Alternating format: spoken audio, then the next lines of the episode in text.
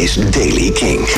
Nieuws over Coldplay, Kasabian, David Bowie en Liam Gallagher. Dit is de Daily Kink van dinsdag 22 oktober. Nou hè hè, de onduidelijkheid na teasers en geruchten is eindelijk uit de lucht. Coldplay komt met een nieuw album in twee delen. En dat hebben ze bekendgemaakt door brieven te sturen aan fans. Gewoon een brief in de brievenbus.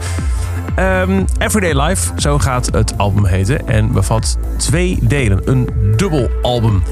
Everyday Life bevat de delen Sunrise en Sunset. Eerder gingen de geruchten dat er eerst een experimenteel en daarna meer mainstream album zou komen. Nu lijkt het er dus op dat die tegelijk komen. En welke dan experimenteel en welke dan mainstream is, of dat ze het allemaal een beetje zijn, daar weten we niet. Maar in ieder geval het eerste album sinds 2015, A Head Full of Dreams van Coldplay, komt 22 november, Everyday Life. Gisteren ging er al een gerucht over Kasabian. Solstice, Summer, langste dag, kortste dag, concert. Nou, nu zeker. Kasabian heeft voor volgend jaar juni een speciale uh, homecoming show in Leicester aangekondigd. Het is uh, volgens hen zelf de enige Britse show van de band in 2020... die naar verluidt nog steeds bezig zijn met het maken van een nieuw album. Ze spelen op Victoria Park op 20 juni. Dat is dus vlak voor de Langstdag, of de Langstdag zelf. Uh, zes jaar sinds ze voor het eerst daar stonden.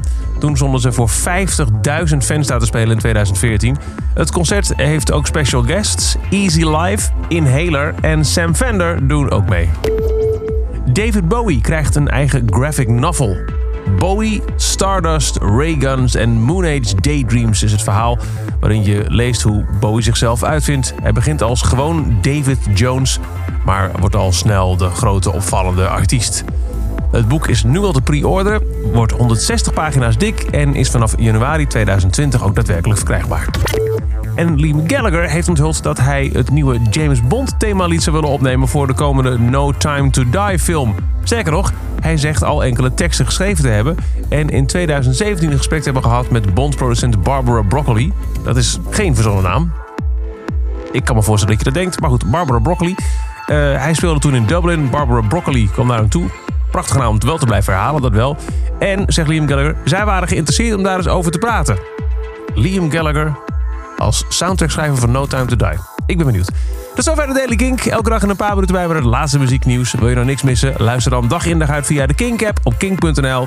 Abonneer je op deze podcast in je favoriete podcast app of volg hem op Spotify.